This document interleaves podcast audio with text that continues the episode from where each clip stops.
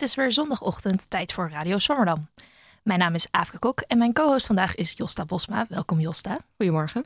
De afgelopen week kon je je beste leus uit de kast halen tijdens de Vrouwenmars, de Klimaatmars en de onderwijsstaking. En we hebben natuurlijk aankomende woensdag de verkiezingen voor de Provinciale Staten en Waterschappen. Een mooi moment om het bij Swammerdam te hebben over taal en politiek. Hoe beïnvloeden zij elkaar? Ik sprak hierover met Bert Bakker, communicatiewetenschapper aan de UvA, die onderzoek deed naar taalverschillen tussen linkse en rechtse politici. Hij kon vandaag helaas niet in de studio zijn, dus we luisteren zo het gesprek terug.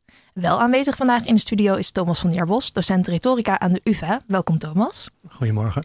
Wat is retorica eigenlijk? Uh, de kunst van het overtuigen. Dus uh, de mensen die dat goed deden afgelopen weekend waren de mensen met een bord wat gefotografeerd werd bijvoorbeeld. En waar andere mensen van dachten, ja, daar ben ik het mee eens. Ah, mooi. Ik ben benieuwd. Uh, maar voordat we naar deze heren gaan luisteren, nemen we je eerst nog even mee naar dat Malieveld van afgelopen vrijdag, waar Jos en ik met de daar aanwezige demonstranten en politici spraken.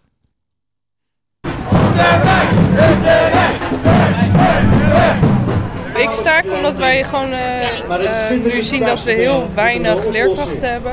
En dat het gewoon het tekort wordt steeds schijnender. Op dagelijks basis hebben wij gewoon klassen die onbemand zijn, die moeten worden opgedeeld.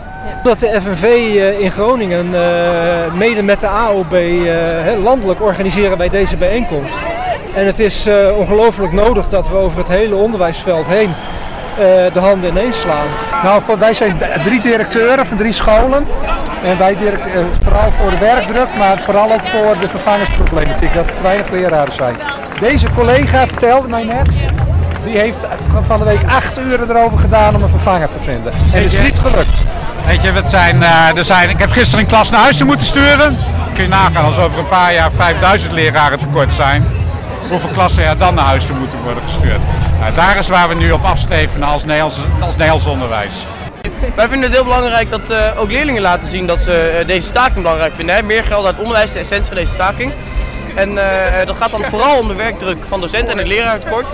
En degene die er uiteindelijk de dupe van zijn, zijn leerlingen. Dus eigenlijk staan we hier allemaal vandaag ook voor docenten, maar het gaat om leerlingen uiteindelijk. Het, het staat toch net iets verder af van leerlingen en veel, veel, veel scholen in het voortgezet onderwijs doen niet mee. Ontzettend jammer, maar toch zijn er uh, een aantal leerlingen van LAX, maar ook heel veel leerlingen die samen met hun school komen. dus daar zijn we in ieder geval blij mee. Ja. Hey, jullie zijn hier met een heel mooi spandoek. Ja. Wat, wat staat er op? Zou je het even kunnen vertellen? Er staat op Arie Slop, VO op de schop, we zijn doodop. Ik ben zelf een startende docent, dus eh, ik ben zelf nog niet doodop. Maar het is, uh, wij staan in het onderwijs staan we natuurlijk op de top 1 van burn-out.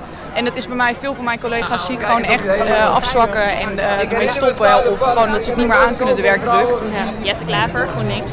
Uh, ja, we zagen dat de klimaatmars uh, toch wel een beetje zijn vrucht heeft afgeworpen. Zeker, ja. ja, ja. Uh, denk je dat de onderwijsstaking ook zijn vrucht gaat afwerpen? Ik ben ervan, ik ben ervan overtuigd. in, in protest komen, in actie komen, dat helpt. De dividendbelasting in Nederland was te klein en de afschaffing ging niet door. mensen gaan op de straat op voor, de, voor het klimaat en het klimaatbeleid wordt aangepast. En ook het onderwijs moet door blijven gaan met staken en uh, protest. En uiteindelijk, ik heb geleerd hier in Den Haag, ik zit er nu negen jaar. Je kan argumenten noemen wat je wil. Het enige waar de macht hier echt naar luistert is de macht van het getal. En ik hoop na woensdag dat GroenLinks ook nodig is voor de macht in die kamers. In de Eerste en de Tweede Kamers. Dat we ze dan wel kunnen blokkeren, dan wel aan de meerderheid kunnen helpen. En dan gaan we verandering mogelijk maken in Nederland. Rob Jette van D66 vroeg ons eigenlijk af wat u vandaag voor verhalen hier allemaal te horen krijgt. Ja, wat, ik heb vandaag vooral heel veel docenten ook uit het uh, basisonderwijs gesproken. Die zeggen uh, zorg voor extra geld voor het onderwijs. Niet zozeer voor onze salarissen, maar voor kleinere klassen en voor minder werkdruk. En ik heb een aantal studenten gesproken die terecht zeggen, ja ik maak me gewoon zorgen over de toegankelijkheid van het onderwijs. De enorme prestatiedruk, veel te veel selectie aan de poort, maar ook als je eenmaal aan het studeren bent. En nou, er zijn allemaal punten die D66 wil aanpakken waarom we knokken voor extra geld voor het onderwijs. Hoe kan je zoiets in, in beleid omzetten? Ja, het allerbelangrijkste is dat wij hier in Den Haag extra geld regelen voor het onderwijs. Uh, en ik zou dat geld eigenlijk vooral ook uit scholen en universiteiten willen geven, zodat zij met studenten, met ouders kunnen bespreken waar we dat geld dan aan moeten uitgeven. Dat we niet hier op een ministerie gaan bedenken wat het beste is, want dat weet iedereen in het onderwijs veel beter dan de politici. Jullie hebben een heel mooi spanboek, niet hard, maar hard voor onderwijs. Ja. Wat, wat willen jullie daarmee zeggen? Um, dat wij uh, het vinden dat er veel meer hier vanuit het hart moet gedacht worden in plaats van uit het hoofd van met die centen.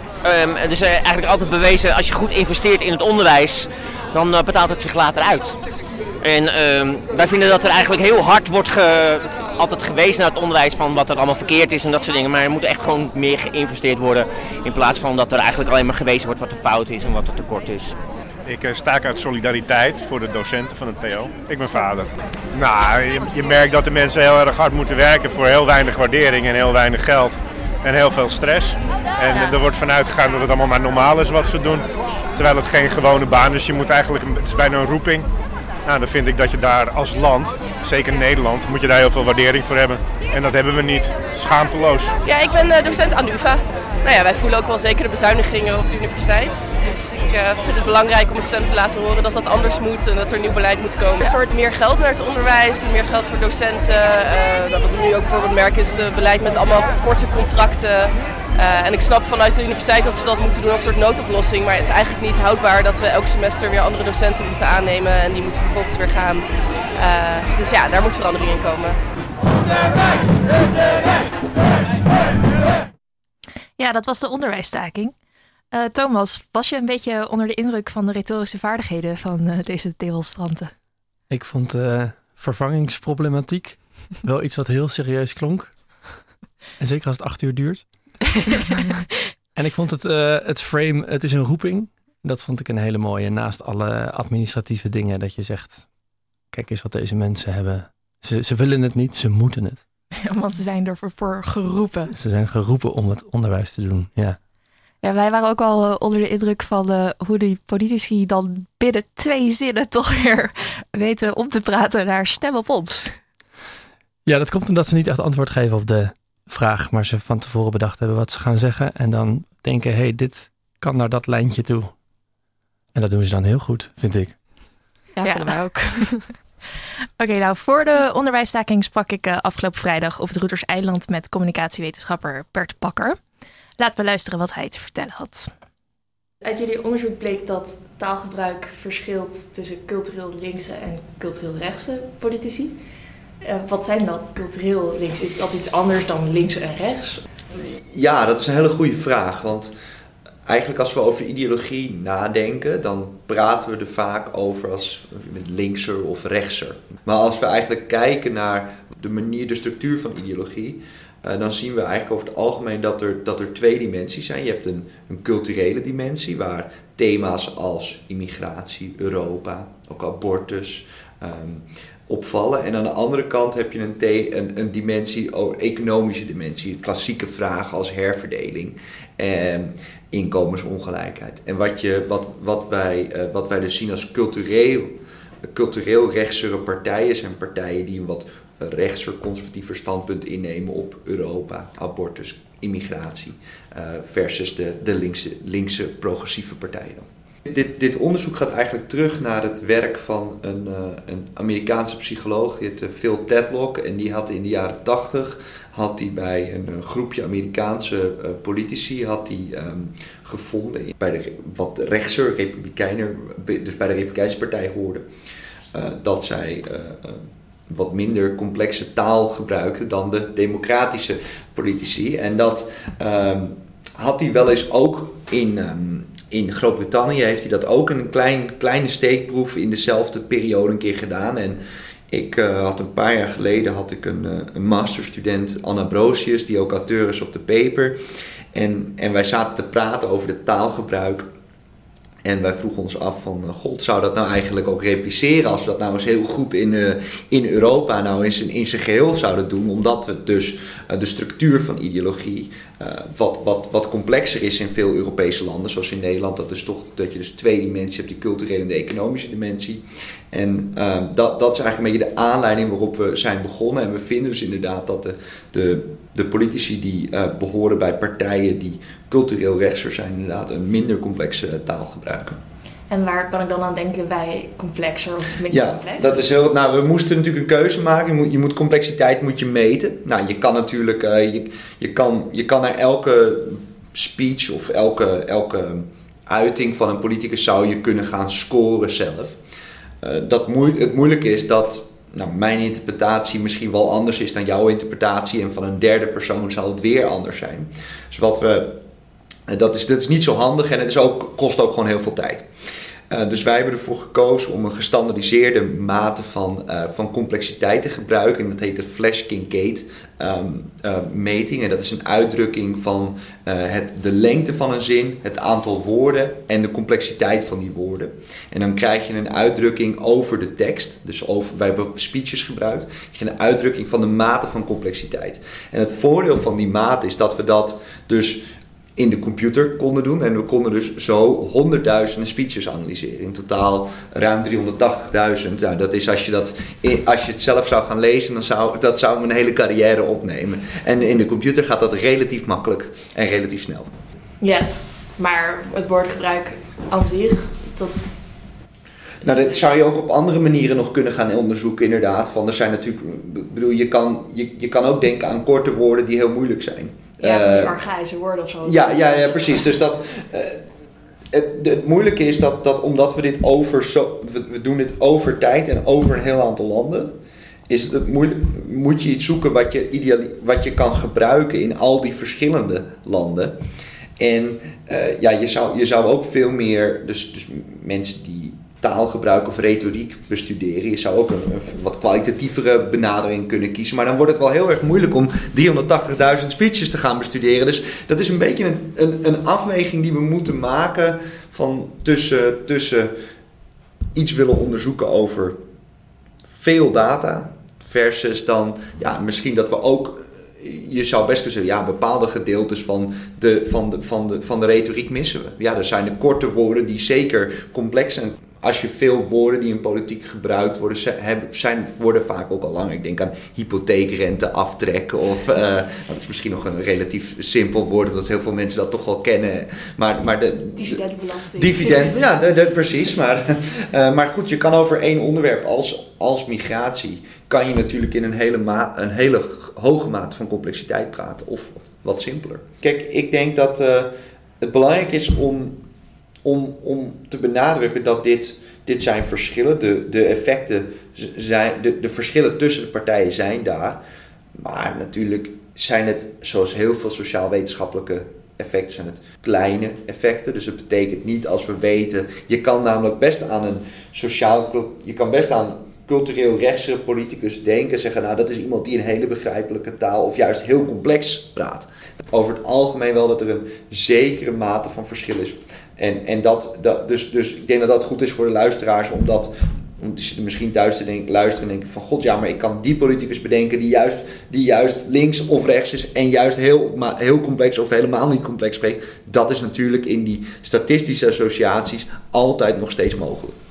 En jullie hebben over de tijd gekeken, dus echt al vanaf 1946 geloof ik? Ja, dat is de, ja, het is een beetje afhankelijk per land waar we, waar we je, moet natuurlijk wel de speeches beschikbaar hebben. En nou, in de moderne tijd uh, is, is er best wel wat gedocumenteerd, dus kan je dat makkelijk terughalen. Maar uh, het is ook een deel archiefwerk. En dat, dat heeft met name mijn collega en, en co-auteur Gijs Schumacher uh, gedaan. In, die, is, die is dus echt de archieven ingegaan met zijn studentassistenten om ook een deel van die speeches die nog op papier zitten, om die dan te, om die van papier naar een pdf te krijgen. En die pdf dan in te lezen in je computer, zodat we er ook uiteindelijk de woorden uit kunnen halen. En je ziet dus een van de, een van de ontwikkelingen die, die, die we ook zien in de paper, is dat uh, over tijd het taalgebruik van alle politici minder complex is geworden. Je ziet dus in, in zijn algemeenheid een, een, eh, een, een afname. En dat, als je misschien eens terugluistert naar iemand als Hans, Hans van Mierlo in de jaren zeventig. Of een debat in de jaren zeventig. Een hoge mate van complexiteit, wijze heren die in moeilijke zinnen praten. Um, nou, je ziet dat, dat in hedendagen zie je dat wel een beetje. Komt in ieder geval wel overeen met mijn gevoel als ik naar een debat in de Tweede Kamer kijk. Is dat dan een link met een beetje populisme? Um, nou, er is van wat. Wij, wij, wij kijken niet naar de link per se met populisme, maar ik denk dat het. Kijk, politici hebben, hebben meerdere taken in een democratie, maar ik denk dat het, dat het gunstig kan zijn om in begrijpelijke taal voor veel mensen een onderwerp te bespreken. Aan de andere kant zijn politieke onderwerpen ook heel complex en, en, en, en moet je daar ook natuurlijk niet de nuance in verliezen. Maar om tot een redelijke mate van begrijpelijk te communiceren is denk ik, is denk ik niet slecht. Omdat mensen zich dan misschien ook wat, ehm, wat, wat meer vertegenwoordigd vinden. Wij hebben niet per se in onze studie naar populistische partijen versus niet-populistische partijen gekeken. Is van een studie uh, van een collega uit, Zwitserland, Daniel, Daniel Bischoff, die heeft uh, dat wel specifiek onderzocht. En die vindt wel dat populistische partijen in Duitsland, uh, dus dat gaat over, met name over de AFD en, en die linken, dat die minder complexe taal gebruiken dan, dan, dan niet-populistische partijen.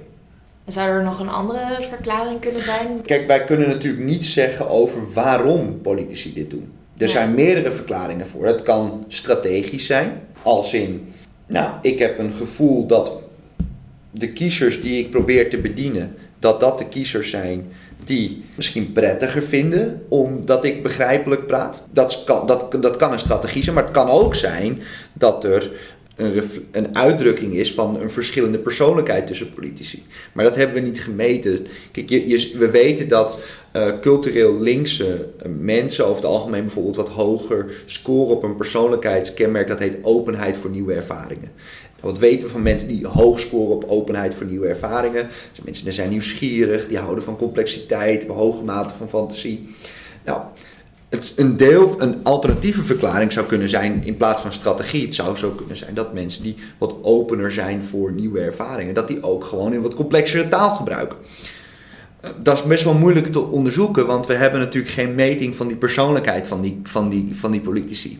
En dat, uh, dus daar, we, in de studie zijn we een beetje voorzichtig om, uh, om, om verklaringen op te geven. En ik geef er nu twee, namelijk dus misschien uh, strategie of persoonlijkheid. Maar goed, er zijn nog allerlei andere mogelijke verklaringen uh, die, die daar ook bij horen. In dit geval ging het er vooral over om te kijken of we dat patroon dus inderdaad zien. En dat, dat is er wel zo. Maar er, is wel, er ligt wel wat vervolgonderzoek klaar voor ons of voor andere mensen. Om te kijken van nou, waar komt dit nou vandaan? En die speeches zelf, wat voor soort speeches zijn dat? Een beetje afhankelijk. We hebben, we hebben drie, drie grote datasets gebruikt. Par, uh, parlementaire debatten, dat is één. Uh, twee was speeches van, van premiers in het Europees Parlement. Dus als ze naar het Europees Parlement gaan, mogen ze altijd een speech geven. Nou, die kan je gebruiken. En uh, de derde, uh, de partij, speeches die op partijcongressen zijn gebruikt. Want je kan natuurlijk denken dat een politicus in een, in, een beetje afhankelijk van het, van het publiek wat hij moet bedienen, ook nog een iets ander taalgebruik gebruikt. Nou, dit, wij hebben natuurlijk niet, een, wij dekken natuurlijk niet alle vormen van communicatie van politici af. Dus we hebben geen social media data. We hebben niet de data van, nou, wat zeggen ze nou in tv-debatten.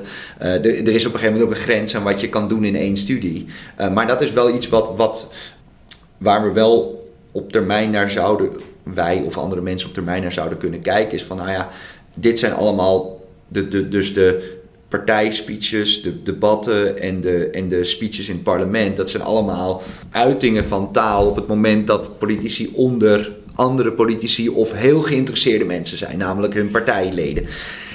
Dat, dat lokt misschien een iets andere taal uit dan dat als jij op Twitter aan het communiceren bent. Dat, dat, uh, maar wij, wij waren in dit geval niet geïnteresseerd in of het nou verschillend is over op basis van welk publiek je benoemt. Dit was onder andere ook waarom dan deze selectie van deze uh, datasets is, uh, ja, dit was ook voor een deel beschikbaar. Want er is ook, uh, ja, dit kost ook gewoon best wel wat tijd. Als je inderdaad terug wilt tot de jaren 40, ja, dat, dat, dat, dat kost gewoon tijd. En tijd kost ook uiteindelijk wel geld. Er moeten ook studenten mee en die moeten ook wat betaald krijgen.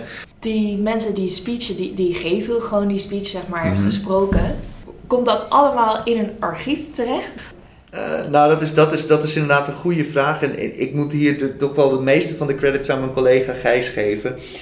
Een deel van de, van, van de speeches van op partijcongres, partijen archiveren dat vaak als de partijleider een speech geeft. Maar dat is wel een, een traject geweest waarbij je soms dat is niet even naar uh, www.d66.nl om dan de speech uit uh, 19, uh, 1983 op te, op te vragen. Dat is een deel, kan je dat uit archieven halen. Eh, want er zijn dus wel, je hebt het archief voor politieke partijen, daar is een deel, komt een deel bijvoorbeeld uit.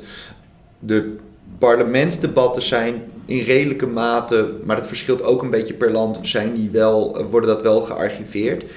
Als je eenmaal de data hebt, is het niet zo ongelooflijk moeilijk wat we hebben gedaan. Maar om de data te krijgen, zeker in het, terug in de tijd, is het wel een tijdsintensief uh, traject. Het is natuurlijk wel een heel groot voordeel om dit aan de hand van wat we dan noemen uh, tekstanalyse met, met de computer te kunnen doen omdat uh, bijvoorbeeld ook een aantal van de politici die we onderzocht hebben, die zijn nu dood.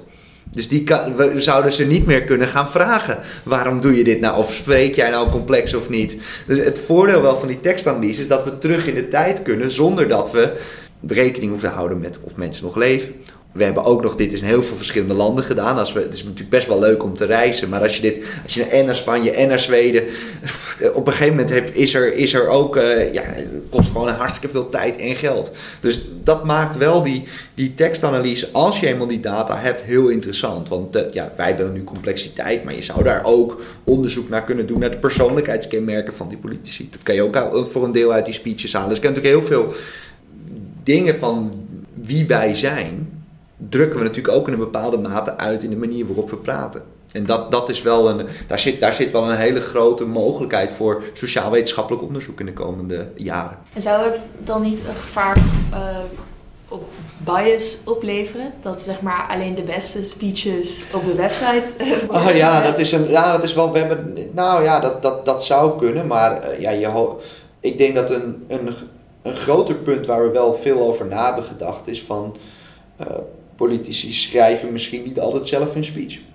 Uh, en dat, dat, zou een deel, dat is misschien een groter probleem. Daar zou je bezorgd over kunnen zijn. Ja, uh, gemiddelde uh, partijleider heeft toch een persoonlijke assistent. En misschien zelfs wel een speechschrijver. En misschien schrijft die speechschrijver wel iets heel anders dan wie die, dan wie die, die partijleider is. Nou, dat is natuurlijk moeilijk te achterhalen, maar er is wel vrij veel anekdotisch suggesties dat uh, speechschrijvers aangeven dat zij pro toch proberen op de manier te schrijven als dat hun partijleider zou communiceren. Dat is wel een aanname die wij doen, dat die speech wel een, een, een, een uitdrukking is van wie die politicus is, uh, tot een zekere hoogte. En dat, dat, nou ja, als we dat aannemen, dat die speeches een redelijke mate, dat die speechschrijvers toch echt proberen zich in te leven in de partijleider, dan kunnen we daar een zekere mate van, met een redelijke mate van zekerheid toch wel aannemen dat de verschillen in complexiteit in ieder geval nou, dat die partijleider daar niet iets staat te vertellen van nou dit zo had ik dit nooit willen vertellen. Maar uh, dit is wel een aanname die we maken.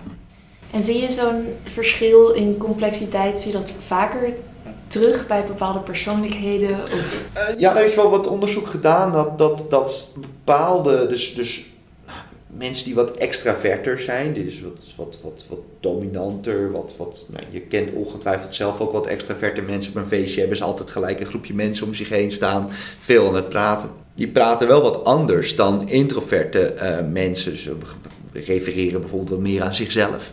En dat is wel een, een lijn van onderzoek in de, in die, die wij niet zelf doen, maar dat, daar halen we wel inspiratie uit. Dat een deel van het taalgebruik van mensen is dus ook een reflectie van wie ze in een bredere wie ze zijn als het gaat om hun persoonlijkheid. Het is niet één op één, maar er zit, daar zit wel een, een samenhang tussen.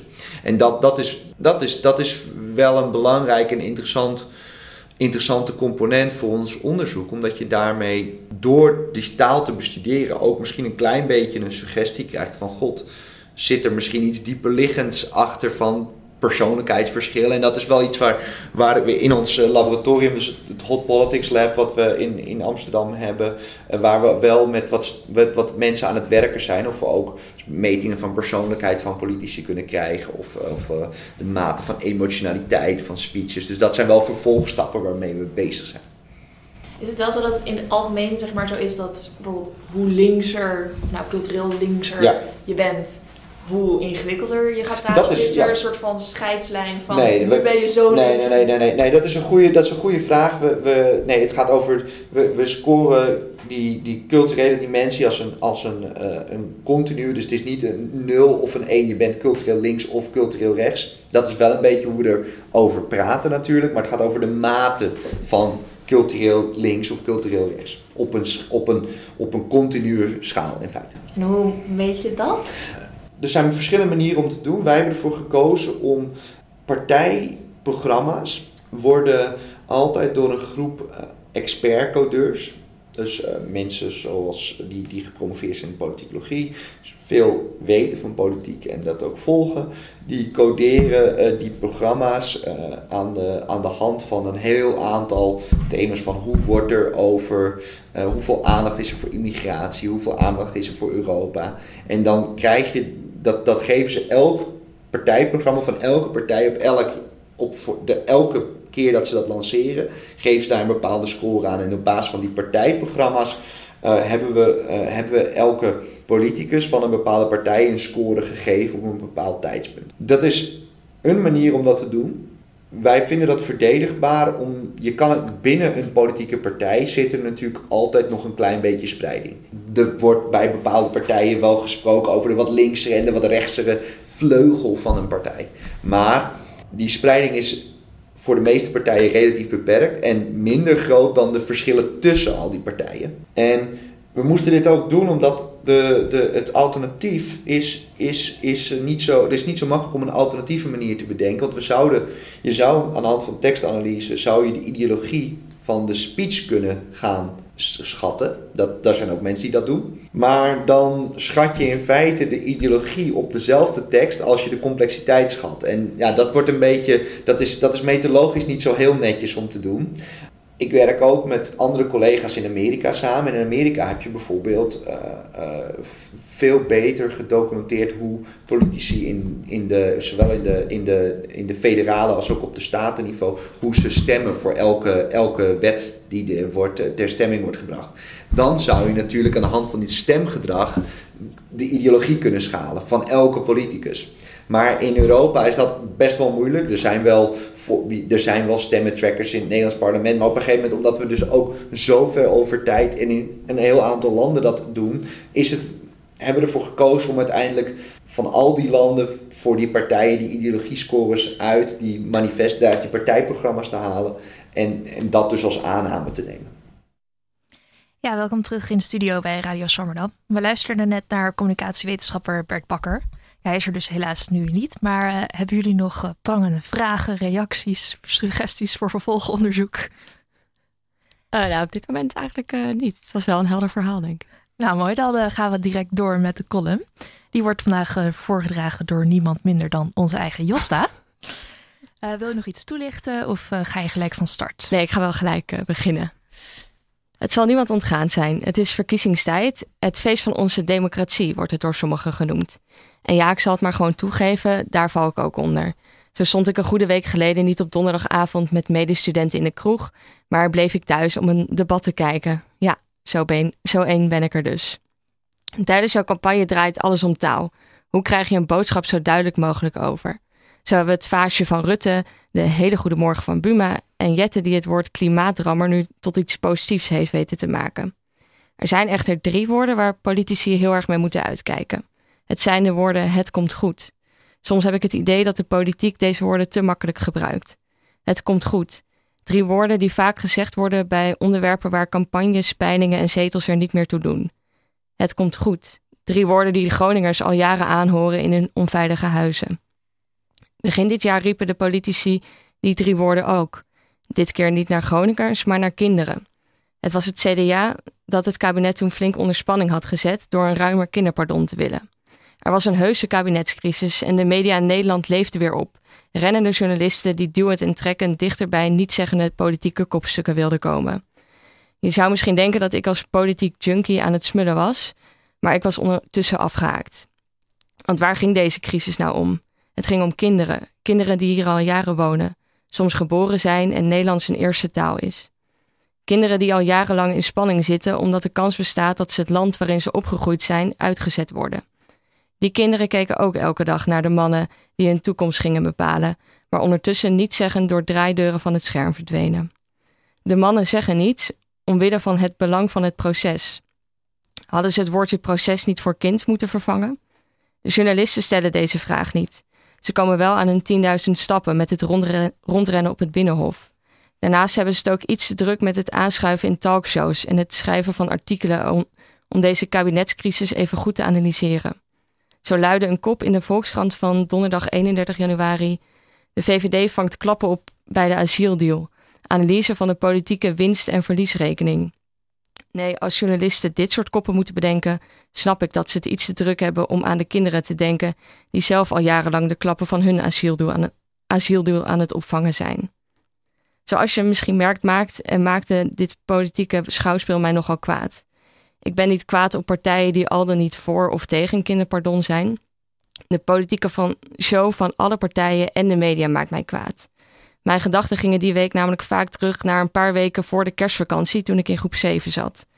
Op een ochtend hadden wij gym en we stelden ons gebruikelijk twee en twee op om met de meester naar de gymzaal te lopen. Ik miste die ochtend alleen een vriendje. Gym was zijn favoriete uur en tijdens het lopen naar de gymzaal hadden wij met een groepje altijd een tennisbal die wij al lopend heen en weer schoten en bij elkaar proberen door de benen te spelen. Hij was er niet, maar toch vertrokken we. Bij het zebrapad stopte er een politiebusje. Ik woonde in een nogal rustig dorp, dus zo'n blauw, zag, blauw busje zag je zelden. En de gymles zat weer op en terug op school was mijn vriendje er nog steeds niet. Wel was er een moeder van een ander klasgenootje. Ze had die ochtend gezien dat ons klasgenootje door een politiebusje met zijn moeder en zijn twee kleine broertjes was opgehaald. Ze zaten nu in een AZC en ze zouden uit Nederland gezet worden. Wij snapten er niks van. Opeens was dat jongetje met wie ik uren op het schoolplein gevoetbald heb weg. Er was nog geen Facebook, dus actievoeren beperkte zich tot een brief richting minister Rita Verdonk. Ook maakten wij tekeningen die ons klasgenootje hopelijk nog zou krijgen. Afscheid nemen kon namelijk niet meer. Er was niks aan te doen en ze zouden voor kerst het land uitgezet worden. Een paar dagen voor de kerstvakantie sprintte ik ochtends naar school. Net als nu was ik toen ook altijd aan de late kant. Meestal stond de deur dan nog op een kiertje, maar nu was de deur wagenwijd open en stond mijn meester in de deuropening. Ik kwam aanlopen en hij zei: Zo, nu zijn we weer compleet. Ga maar snel kijken wie er is. Ik liep de klas binnen en zag dat mijn vriendje weer terug was. De situatie in het land waar ze heen moesten was ineens verslechterd, waardoor ze toch in Nederland mochten blijven. In een kringgesprek deed hij zijn verhaal. Ze mochten het AZC niet verlaten. Hij had het gevoel dat hij in een gevangenis had gezeten. Hij beschreef de hoge hekken en het prikkeldraad en dat hij gewoon heel graag naar huis wilde. Maar naar huis kon niet meer. De gemeente had het huurhuis alweer aan anderen beschikbaar gesteld. Hij zou het schooljaar ergens anders af moeten maken. Voor elfjarige kinderen is dit niet te bevatten. We pakten daarom maar snel ons tennisballetje en gingen weer voetballen op het schoolplein, zoals we altijd hadden gedaan. Dus ja, hier denk ik aan als ik politici tegen protesterende kinderen op het binnenhof hoor zeggen dat alles goed komt. Het komt goed. Eerst zien, dan geloven is de reactie van de kinderen. Want goedgelovig zijn ze immers al lang niet meer. Ah, dankjewel Josta. Wat een mooie column. Dankjewel. Ja, dat uh, politieke showspel is denk ik ook wel iets waar de retorica af en toe uh, om de hoek komt kijken. Hoe kijk jij uh, tegen zo'n column aan? Ik vond het een hele professionele column. Dankjewel. Ja, ik vond het frame, het gaat niet om het proces, maar het gaat om kinderen. Nou, daar kun je het bijna niet mee oneens zijn. helaas is het het kinderframe werkt niet meer altijd. Het kinderfeestje met, met Zwarte Piet. Um, Dijkhoff liet zich niet afleiden toen er een kind vlak naast hem werd gezet. Toen herhaalde hij gewoon de boodschap die hij uh, had voorbereid. Um, maar ik uh, het verhaal. En dan maak je dus, dan zeg je iets heel groots. En dan maak je het daarna heel klein. Iets wat je zelf hebt meegemaakt. Iets met een tennisballetje wat je overgooit. Dat voel je bijna. En dan denk je, dan snap ik ook waar je vandaan komt. Dus je hebt een beeld en dat maakt je sterker met uh, voorbeelden. En een van die voorbeelden is een eigen verhaal. Het zit best wel goed in elkaar. Amerikaanse politicus zou er uh, tevreden over zijn. Nou, uh, dat zijn een paar mooie veren je reet, maar ja, we gaan het nog verder hebben over hoe je dan zo'n goede speech schrijft. Um, we gaan beginnen aan een soort mini-spoedcursusje retorica. Um, nou ja, laten we bij het begin beginnen. Kun je eigenlijk al iets fout of goed doen voordat je überhaupt bent begonnen met speechen? Je komt oplopen of uh, gaat klaarstaan. Ja, ik denk zelfs daarvoor nog uh, bij de vraag: moet ik het podium op? Als je de vraag krijgt, wil je een speech gaan houden? Dan kun je afvragen, ben ik de persoon die dat het beste kan vertellen? Of moet ik iemand anders een keer podium oplaten? Wat is het format? Kan ik in twee minuten mijn hele wetenschappelijke onderzoek uh, goed uitleggen? Dus ik denk dat in het onderhandelen met een programmamaker bijvoorbeeld kun je al, of met je team, kun je al heel veel goed en fout doen. En een van de mooiste voorbeelden daarvan vind ik recent Rutger Bregman, die in Davos met een filmpje wat jullie misschien wel gezien hebben, uh, dat ging de hele wereld over. Omdat hij in plaats van in debat te gaan, had hij een speech voorbereid op zijn hotelkamer. En wat er ook ging gebeuren, hij ging die speech houden. Ja, dan hou je je dus niet aan de regels, maar dan heb je wel heel goed bedacht wat je precies gaat doen. Dus ik denk dat bedenken, wat wil ik en kan dat hier? Dat is een fout die veel sprekers al maken voordat ze het podium opstappen. Dus niet altijd zomaar ja zeggen als iemand je vraagt om een speech te geven. Nee, ik, ik, zie heel veel mensen op het podium staan dat ze gewoon ja hebben gezegd. Ja. En um, is het dan ook nog uh, zo dat als je dan eenmaal toch op dat podium staat, dat je dan ook al een bepaalde indruk kan weggeven? Of...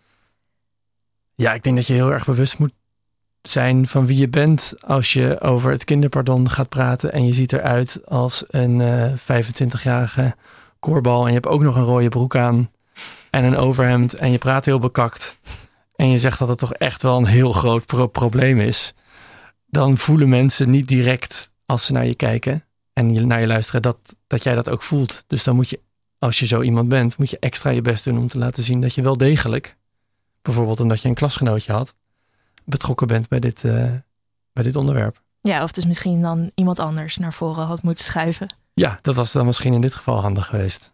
Wat ook lullig is hoor, want het zijn allemaal vooroordelen. Het zegt natuurlijk niet iets over iemand dat hij zo klinkt en er zo uitziet. Nee, dat is waar. Maar goed, dat gaat natuurlijk op uh, hoe het bij de luisteraar uh, overkomt. Ja. Um, ja, en schrijf je die speech dan zelf? Of uh, kan je maar beter gewoon laten schrijven? Nou, ik zeg als speechschrijver natuurlijk van niet.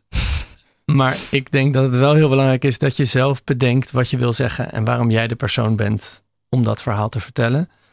Dan schrijf je wat op en dan laat je er een keer andere mensen naar kijken. Snap je alles? Uh, waar ga ik te ver? Waar ben je het wel of niet mee eens? Laat hem niet aan te veel mensen zien. Want dan wordt het zo'n veilig verhaal dat het ook niet meer opvalt. En als je hem dan terugkrijgt van je speechschrijver of van je vrienden, dan moet je er weer helemaal je eigen woorden van maken. Het moeten wel woorden zijn die bij je passen. Dus ik denk een beetje. En um, want je zei niet, niet door veel mensen naar laten kijken. Want wat gebeurt er dan als er veel mensen naar een speech gaan kijken? Nou, volgens mij was Eisenhower ooit de oud-president in Amerika. Die zei tegen zijn team: stuur het nou eens eerst naar mij. Tegen zijn speechschrijver-team van acht mensen toen al. Stuur het nou eens eerst naar mij. Want als jullie het steeds allemaal naar elkaar sturen, dan krijg je uiteindelijk steeds hetzelfde product. En niet iets bijzonders of iets wat, wat meer schuurt of uh, ja, wat rauwer is. Dus ik denk dat dat een hele goede tip is. Als je iets aan iedereen laat zien, een opiniestuk bijvoorbeeld, als jij dit aan uh, tien mensen had laten lezen net, dit stuk, ja. dan had uiteindelijk alle scherpe randjes waren eraf geweest. En um, moet je het dan ook voor veel mensen oefenen? Ja, dat moet. je moet het heel vaak, je moet het zo vaak oefenen dat je het er zelf een beetje mee gehad hebt. En dan kom je uiteindelijk, denk ik, door dat moment. Uh, we kennen de kinderen op de middelbare school die een, een spreekbeurt voordragen uit het hoofd. Zie je het ze dan heel duidelijk doen en te denken aan wat de volgende zin is. Ik denk dat je een speech zo vaak moet oefenen dat je hem, zoals de Engelsen zeggen, from the heart kunt overbrengen. Dat je het verhaal zo goed kent dat je het weer kunt tot leven kunt brengen. Dat je er weer bij na kunt denken. Dat je met je ogen kunt laten zien dat je echt bedenkt wat je op dat moment aan het zeggen bent. Ja, want ik kan me voorstellen dat als je te vaak oefent, dat je dan een beetje hetzelfde krijgt. Dat die randjes er een beetje afgaan. Nou, ik vind dat een heel Misschien Nederlands... ook omdat je uh, de reacties in de zaal hebt gepeld en dacht, oeh, nou, doe deze grap toch maar niet of zo. Ja, nee, oefenen voor jezelf, zou ik zeggen. Inderdaad, oefenen voor een publiek. Uh, dat zorgt ervoor dat je um, misschien daar al iets op gaat inspelen en het ene publiek is het andere niet. Maar ik denk dat wij in Nederland een hele grote uh, behoefte hebben aan voor de vuist weg, authentiek, lekker jezelf zijn. En ik vind dat soms wel jammer, omdat we daardoor alle speeches een beetje borrelpraatjes zijn. In plaats van echt mooie grote verhalen. Oh. Ben benieuwd of er uh, verandering uh, ooit in gaat komen. Nou, voorlopig, als je het onderzoek uh, waar, jij, waar het net over ging, dat, dan lijkt het alsof het alleen maar makkelijker en eenvoudiger moet. Ik hoop dat er een soort van tegenbeweging komt van ja, weer langer verhalen, zoals we ook weer long reads aan het lezen zijn en podcast aan het luisteren. Dat we qua speeches misschien ook weer wat meer woorden per zin aan kunnen. Ja, ik, ik, ik hoop het. Maar inderdaad, wellicht, omdat we inderdaad ook die uh, tendensen zien, inderdaad, uh, in het lezen en het luisteren. Wellicht. Um, maar goed, dus uh, we gaan zo'n speech half zelf schrijven en half met de speechschrijver samen. Mm -hmm. ja, waar moet ik aan denken? Wat is een sterke opbouw? Wat voor argumenten kan ik gebruiken? Ja, dat verschilt heel erg wat je aan het verkopen bent. Als je een product aan het verkopen bent, dan moet je bedenken waarom zouden mensen dit willen hebben. Als je uh, tegen het kinderpardon bent, dan is emotie en dan vooral één emotie is uh, heel goed om op in te spelen. Dus ik denk dat je bij opbouw vooral moet oppassen, als we nu toch in een spoedcursus praten, dat je niet met alle kogels schiet die je hebt. Wat heel veel mensen doen is bedenken, wat zijn alle argumenten voor mijn stelling? En dan ga ik die allemaal geven je kunt beter bedenken wat is het beste argument en hoe breng ik dat heel goed over. En welke twee, drie argumenten geef ik daar nog mooi bij. En hoe bijvoorbeeld past al mijn argumentatie of mijn hele compositie in hetzelfde beeld. Als bijvoorbeeld jongeren zichzelf als slachtoffer van um, klimaatpolitiek willen neerzetten, dan moeten ze de overheid heel groot maken en heel machtig. Dan moeten ze het bedrijfsleven heel groot maken, heel machtig. Dan moeten ze hun ouders groot en machtig maken. Dan is het heel onhandig om af te sluiten met eh, PS. Als alle jongeren geen kleren meer kopen en geen vliegreizen meer maken, zijn we ook al een heel end. Want dat is dan, het, het klopt. Maar het, het is heel onhandig als je net alle anderen heel groot hebt gemaakt en jezelf heel klein. Dus je moet de hele tijd soort van blijven denken in de frames die je voor jezelf hebt uh neergezet. Ja, dat klinkt heel technisch, maar je kan ook gewoon denken: wat wil ik nou het allerliefste zeggen? Als je op het, op het, uh, op het huwelijk van uh, je dochter staat te spreken, um, dan kun je zoveel, dan kun je alle verhalen die je kent over je dochter gaan vertellen. Maar dan is iedereen uiteindelijk helemaal klaar ermee. Je kunt ook bedenken: wat wil ik nou het allerliefste meegeven? En dat dan heel goed doen. En zo'n lange speech zou dus nog steeds gewoon de hele tijd over feitelijk één onderwerp gaan. Als iemand een goed verhaal vertelt, dan kijkt niemand uh, op de klok. Dus ik zeg niet dat iedereen lang moet gaan speechen, alsjeblieft niet. Uh, liever korter zelfs. Maar als je echt iets fantastisch aan het doen bent, dan mag het van mij eindeloos duren. Heb je een uh, voorbeeld van een uh, lange speech? Die goed is. Nou, Ronald Reagan uh, die kan sowieso, kon die wel goed speechen. Die schreef niks zelf overigens. Die las het gewoon voor, zoals de acteur die die was. En die heeft een verhaal over een Schotse divisie die bij de landing op Normandië. Uh, dus het is, het is Remembrance D-Day dag. En hij vertelt een verhaal over Schotten die die rotsen in Normandië aan het beklimmen zijn terwijl ze beschoten worden. En nou, hij, ik weet, niet, ik weet eigenlijk niet hoe lang die speech duurt. Misschien duurt het wel heel kort, maar het lijkt alsof het eindeloos beschreven wordt, dat proces waarin uh, waarin zij eigenlijk Europa weer terug veroveren. En dat, dan voel ik helemaal geen besef van tijd meer. Helemaal opgenomen in een speech. Dan is hij echt geslaagd. Het is een soort uh, ideale tijdstuur van een speech. Zeg maar als je niet zo fantastisch kan speechen dat je zegt, nou, na zoveel minuten of zo moet je eigenlijk stoppen. Of? Nou, uh, TEDx is natuurlijk een, een, een, belangrijk format voor grote verhalen nu. En die houden een maximum van 18 minuten aan. Ik denk dat dat een heel goed maximum is. En dat als je, dat is dan een verhaal waardoor zes mensen naar gekeken is, waar heel goed nagedacht is over visuals en voorbeelden. Ik denk dat als je zelf een verhaal vertelt, op een bruiloft bijvoorbeeld, en je doet het in drie minuten, dan is echt iedereen heel enthousiast. Ja, het ligt heel erg aan het moment dus ook. Ja, en, setting, hoe, en hoe goed je bent. Ja, oké, ja. En um, ja, dat ene belangrijke argument, hoe lang wacht je met hem er, erin uh, zetten? Uh, ja, je, het liefst herhaal je datzelfde argument een paar keer. En bij argumenten is het heel belangrijk uh, dat we er steeds meer achter komen dat mensen valide argumenten helemaal niet zo belangrijk vinden als je zou hopen. Dus een emotie werkt net zo goed als een feit. En een verhaal werkt misschien wel beter dan een getal. En uh, als het over argumenten gaat, dan, ga, dan probeer je dus het argument zo eenvoudig mogelijk um, over te brengen. En dat doe je misschien wel meteen. Gewoon uh, meteen van start. Ja, tenzij het als een soort van verrassing komt en je bijvoorbeeld eerst net gaat doen alsof je de andere kant betoogt. Zou het niet mooi zijn als wij een land hebben waar, uh, waar alleen maar mensen zijn die dezelfde taal spreken. En waar we weer op schaatsen pepernoten bakken en dan schets je zo'n heel verhaal. En dan denken mensen, oh, misschien is hij wel echt daarvoor. En dan zeg je, wat een belachelijk idee. Want Nederland is juist. En dan sla je eigenlijk met je argument, geef je mensen een klap. Dan komt hij misschien juist nog wel harder binnen. Ja, dan onthouden ze hem in elk geval goed. Ze schrikken wel even. Ja, dat zal misschien ook een uh, effect zijn. Om uh, even je publiek weer wakker uh, ja, om na te, te schrijven. Ja. Zeker als je een lange speech houdt. Hoe zorg je ervoor dat mensen erbij blijven? Ja, dan zou ik dus zeggen, als je die vraag aan het beantwoorden bent, dan ben je een te lange speech aan het houden.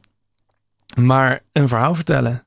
Op het moment dat iemand een verhaal gaat vertellen wat hij of zij zelf heeft meegemaakt, dan durf je ook al bijna niet te interrumperen. Dat zie je bij politieke debatten ook. Uh, je kunt iemand heel makkelijk onderbreken als hij de vraag niet aan het beantwoorden is. Maar als Jesse Klaver een verhaal over zijn zoons vertelt, dan is het heel moeilijk om te zeggen: Ja, nu, nu is het wel goed met je zoons, met je opa. Ik heb het wel gehad met je opa. Dat is heel moeilijk om te zeggen. En moet dat eigenlijk echt een verhaal zijn van jezelf? Ik hoor wel dat columnisten uh, wel eens een verhaal van iemand anders schrijven alsof ze het zelf hebben meegemaakt. Deze van mezelf. Ja. ik vroeg het al af, want hij paste wel heel goed bij. Uh, nee, bij ja, dit, ik heb het echt zelf meegemaakt. Ja, ja.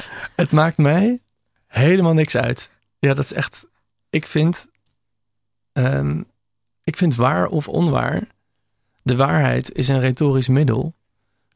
En een onwaarheid of een gedeeltelijke onwaarheid is net zo'n, kan net zo'n goed retorisch middel zijn. Het gaat in de retorica om het overtuigen van andere mensen. Uh, je kunt zelf zeggen: Ik wil alleen maar dingen vertellen die mij zijn overkomen, of wil alleen maar feiten gebruiken die kloppen. Maar een drogredenering, als je gaat turven op drogredeneringen in politieke debatten, dan worden ze ontzettend veel gebruikt. Ze worden nauwelijks nog uh, door de anderen benoemd. En het werkt. Wat een drogredenering, weer even uh, herhaling, wat was dat ook alweer? Een drogredenering is een, uh, ja, je hebt een argument dat helemaal dat goed in elkaar zit. Dat klopt. Dus uh, het klassieke voorbeeld is: um, alle mensen zijn sterfelijk. Socrates is een mens, dus Socrates is sterfelijk. Een drogredenering is bijvoorbeeld een redenering waarbij een van die dingen niet helemaal klopt. Dus alle mannen zijn sterfelijk. Socrates is een mens, dus Socrates is sterfelijk dan weten we niet of Socrates niet, of die wel een man is. Ja. Misschien is het dan een onsterfelijke vrouw. Maar zo'n drogreden kan dus eigenlijk een prima retorisch instrument zijn. Nou, je moet, als je, je moet eens op gaan zoeken wat mooie drogredeneringen zijn. Um, bijvoorbeeld de strawman heet dat. En dat is de drogredenering waarbij ik een argument van jou, uh, dat pak ik. En dat verpak ik net wat anders. En dan doe ik nog steeds alsof het jouw argument is. Ik maak er als het ware een man van stro van, die niet echt bestaat. Maar ik doe net alsof jij die man van stro bent. En dan val ik die heel hard aan. Dus als jij zegt, we moeten veel meer doen om klimaatverandering tegen te gaan. Dan zeg ik, oh wil jij, jij wil dus alle hardwerkende Nederlanders nog meer laten betalen voor hun elektriciteit. En dat zie je echt voortdurend. Dat werkt hartstikke goed.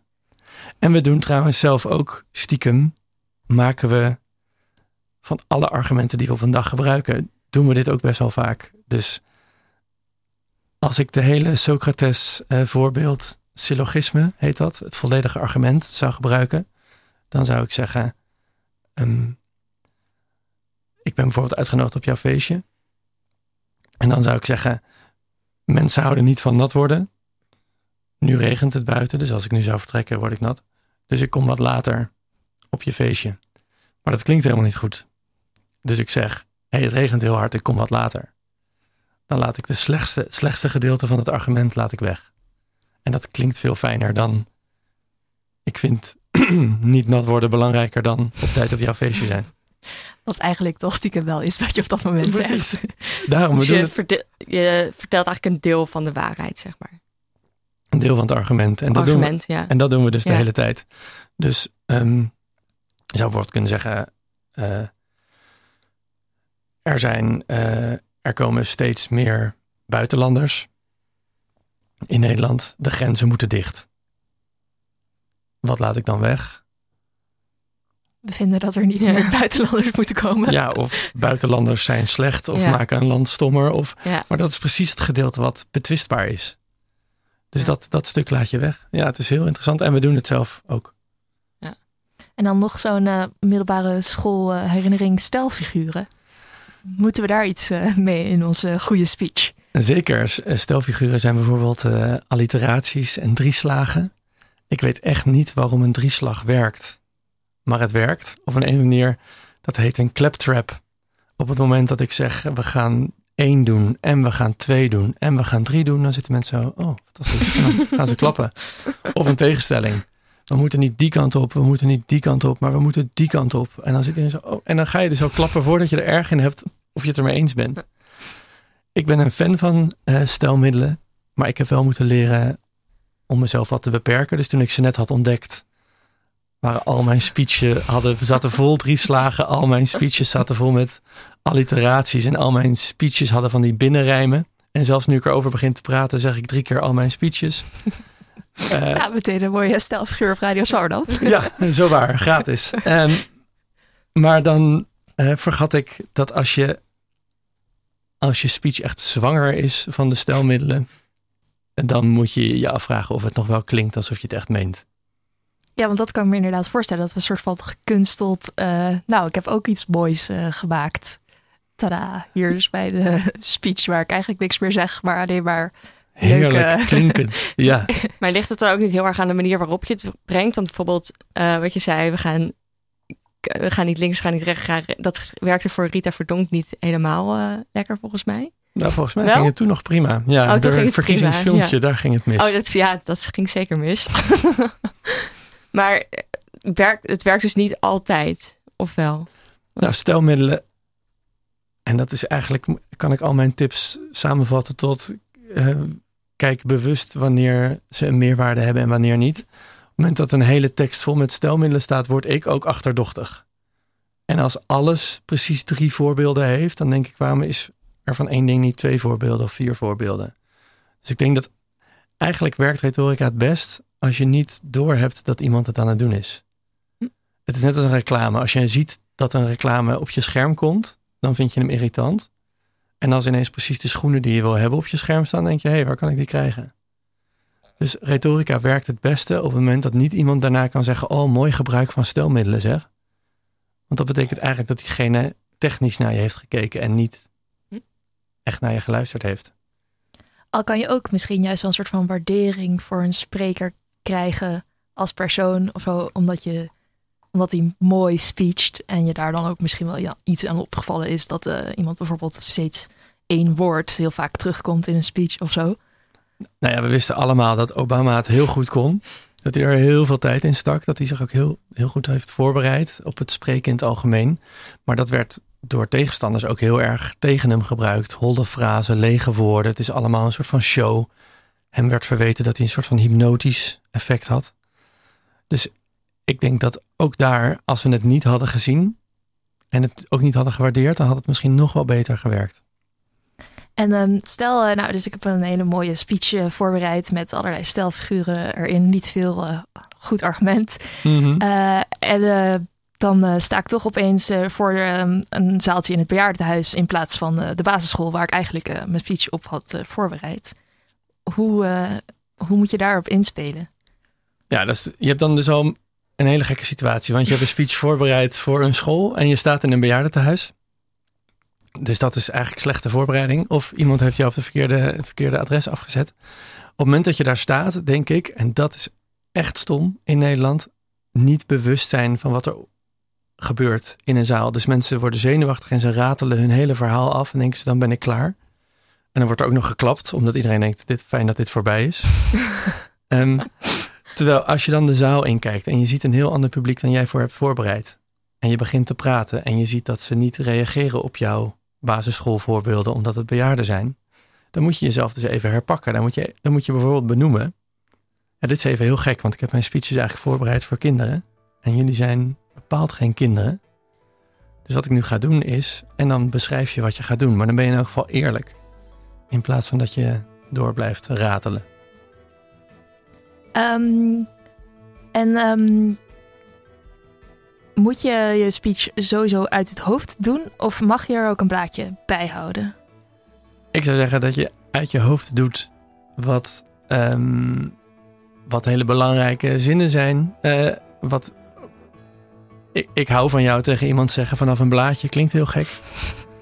Maar je mag best stukjes van een blaadje oplezen. Dan laat je bijvoorbeeld zien van ik vind het belangrijk dat ik deze feiten even goed overbreng. Dus het kan eigenlijk ook een retorisch middel zijn om een blaadje erbij te pakken. Ja, en een blaadje weggooien zie je in veel films. ook een prachtig retorisch middel. Ik ga niet meer aan het voorbereiden script. Ik ga nu los. En dan een veel mooier verhaal nog. Allemaal mooie tips. Ik hoor helaas uh, de eindtune alweer. Dus uh, tot slot dan maar.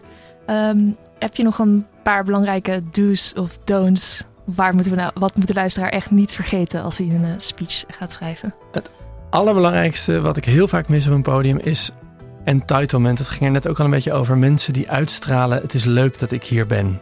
Ik heb er zin in. Ik ga iets leuks vertellen. En dan zichzelf er heel erg op verheugen. Als je dat kan uitstralen, van ik mag hier zijn, ik mag dit verhaal vertellen, ook al ben je zenuwachtig, dan heb ik al veel meer zin om naar je verhaal te luisteren. Ja, dat is toch alvast goed als jij er zin in hebt, denk ik. Ja, nou, ik heb er vaak wel zin in. dat is dan weer mooi. Oké, nou, we zijn dus helaas alweer bijna aan het einde van deze aflevering gekomen. We hadden het vandaag over taal en politiek. Bert Bakker vertelde ons hoe uit zijn onderzoek bleek dat cultureel linkse politici een ingewikkelder taalgebruik hebben dan cultureel rechtse politici in Europa. Dankjewel Bert. Daarna spraken we met Thomas van Neerbos, die ons een spoedcursusje retorica gaf. Dankjewel Thomas. Dan wil ik nog de co-host en columnist van vandaag bedanken, Josta Bosma.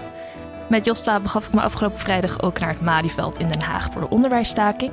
Wilt u eerdere afleveringen terugluisteren, bijvoorbeeld de aflevering in ons dossier onderwijs, dan komt u daarvoor terecht op onze vernieuwde website www.radioswarmerdam.nl of in uw favoriete podcast-app. Reageren op deze uitzending kan via redactie.radioswarmerdam.nl en je kunt ons volgen op Facebook en Twitter. Vandaag deed hij de techniek, waarvoor dank, maar volgende week zit Bouke achter deze microfoon. Voor nu wens ik u een fijne zondag. Mijn naam is Aafke Kok en dit was Radio Zwammerdam.